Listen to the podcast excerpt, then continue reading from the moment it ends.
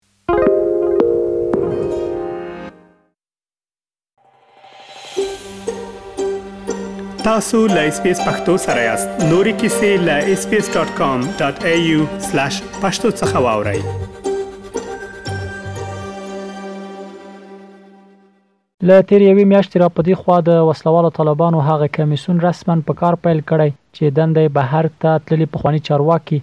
او سیاستوال افغانستان ته ستنېدو ته هڅوي. د دې کمېسیون مشري د دې ډلې د سرپرست حکومت د کانونو او پټرولیم وزیر شهاب الدین دلاور کوي. دا کمېسیون د نورو وزیرانو په ګډون څو تنه غړي لري. ظاهراً دا کمېسیون د هغه مشرانو د پخلا کولو په پار جوړ شوی چې په تېر جمهوري نظام کې د نفوس خاوندان وو او اوس اکثره یې د افغانستان په ګاونډیو هېوادونو په تېره ترکیه کې مېشت دي. طالب چارواکو په تېره کې ویلي چې بهر ته تللي شخصیتونه افغانان دي او هېواد ته یې بېرته راتګ ضروري دی. دوی به ورته بلنه ورکړي چې بېرته هېواد ته راستانه شي. د وسله والو طالبان لوري افغان شخصیتونو سره د اړیکو کمېسیون د کار له پیلېدو سره تر دا مهاله یو شمېر پخواني چارواکي چې د تېر جمهوري نظام په سقوط کې له هېواد څخه وتلي وو، بېرته هېواد ته راستانه شوي دي. په دغو کسانو کې د تېر جمهوري نظام په پارلماني چارو کې د دولت پخوانی وزیر فاروق وردګ، د ملي امنیت د ادارې د ملکیانو د خوندیتوب او پخلاینې پخوانی ریس انتظار خادم، د دفاع وزرت پخوانی ویاند دولت وزیري، د ترانسپورت وزرت پخوانی مرستیال حسن مبارک عزیزي او په تېر جمهوري نظام کې د برېښنا پخوانی رئیس امان الله غالب په ګډون د دفاع وزرت یو شمېر پخواني منسوبین شامل دي چې بېرته هېواد ته ستانه شوي دي. خو په دې ډله کې بیا تازه یو ورځ وروسته او وړاندې د یکشنبې او دوشنبې په ورځ د پخواني جمهوري نظام د حج او اوقافو وزیر محمد صدیق چکړي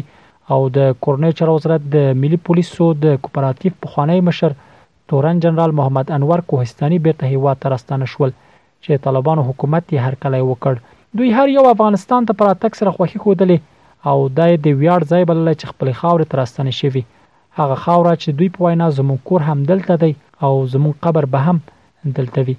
خو اساسي پوښتنې دا دي چې د دغو پخوانیو چارواکو او شخصیتونو بېرته ستنېدل به څومره اغېزناکه وي؟ ایا دغه پخواني چارواکي په خپله خوښه او که د طالبانو په بلنه راستانه شوي؟ څومره امکان شته چې یادو کسانو ته دې په دولتي چوکاټ کې کومه څوکۍ ورکړل شي؟ د چارو خاوندان یې په اړه بېلابېل لیدلوري لري. ځینې په دې اند دي چې افغان سیاستوال د ټوټ بېرته هېواد ته راستانه شي، خو په خبره یې چې د عزت ژوند وکړي، سپکاوی یې ونه شي او امنیت یې خوندي وي. د دوی په وینا په کار ده چې د وسله والو طالبانو د تماس کمیسیون د قوي میکانیزم له لارې مخ ته ولاړ شي او داسې پروګرام ورته جوړ کړي چې له لارې یې په راتلونکي کې ستنېدلو چارواکو او نظامیانو ته په دولتي چوکاټ کې ونډه ورکړي او امتیاز ورته په نظر کې ونیسي. د افغان سیاسیونو راتګ افغانستان ته یا خپل هېواد ته دا ښه خبره ده، دا د خوشحالۍ خبره ده، افغانستان د ټولو کور دی، باید د ټولو کور شي. او ممکن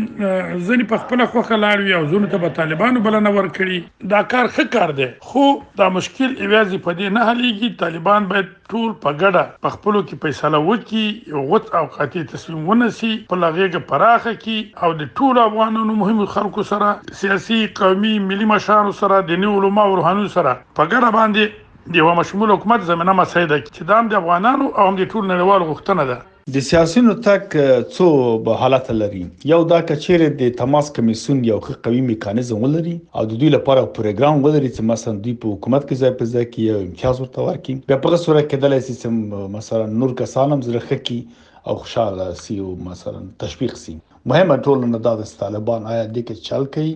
او که د سیوادي خبر پدې او کرښتیا هم د دې پایلو ته ګوري د تماس کمیسون کچې بیا پایله ونه لري نو بیا دا مسله هم ریا ریا ښکاریږي او ریا کیږي دا یو ښه کار ده د ستایلو وړ ده خو مهمه مسله دا ده چې د سیاسیونو لپاره د یو ښه بستر مساعدول چې هغوی چې راتلونکي بیرته نظام کې دوی په سمه توګه ونډه واخلي دا مهمه بحث ده نو طالبانو ته یا په ټوله کې اسلامي امارت ته لازمه ده چې دا مسله د نظام د تعریف لپاره کوشش وکړي تر څو د یوې لویې جرګې پر اساس باندې اساسي قانون دوی رامنځ ته کړي او د اساسي قانون پر بنسټ نظام تعریف کړي تر څو په دې کې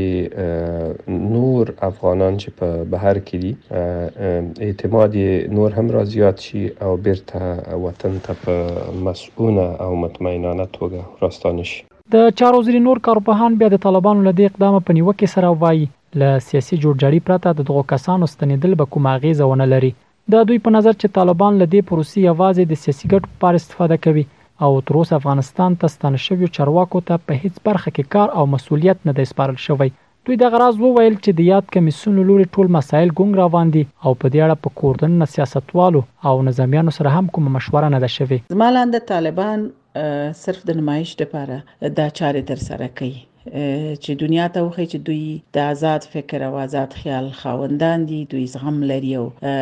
نور خلک هم زغملی شي په داسې حال کې چې دغه ته تاسو ولید چې کڅوک غږ چته یا تک په فیسبوک کې یو خبره کاندي په ویره کاندي او خپل سیاسي نظر نشي څرګندول نو دوی په دغه سیاسيونو باندې څه کاندي په نظام کې شاملې چې داسې هم څرک نه ګورو ځکه چې په نظام کې شته وړوکترینه تخنیکي چوکۍ چې مسلکي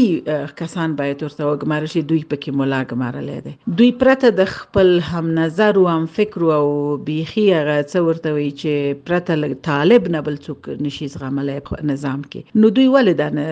سیاسیونو ته وایي چې راشئ افغانستان ته؟ که هغه سیاسیون هغه خلک هغه نظامیان چې په افغانستان کې دننه دي د هغو سره چا تماس نه دی نیولی د هغو نه نه څوک مشورې غواړي او ټول چې ډاډه نشي ګرځېدی نو داسې لوی تضمین هم دلته موجود نه دی او بله خبره د اقتصادي مسایل معاشات یې نشته دی حتی بعضې دلته چې په اردو کې وو نظامیان وو په امنیتي ادارو کې وو متقاعدین وو متقاعدینو ته تقاعد نه دی ورکړی او دوی که راشي دغه د ژوند بسیا د پاره د روزمره ژوند به څنګه کوي دوی خو نه په بازار کې کار کولی شي خو دوی معاشات و په معاشو باندې کار کول دغه ستونزې شته د ستونزې دوی ته داسې خاصه زمینه چې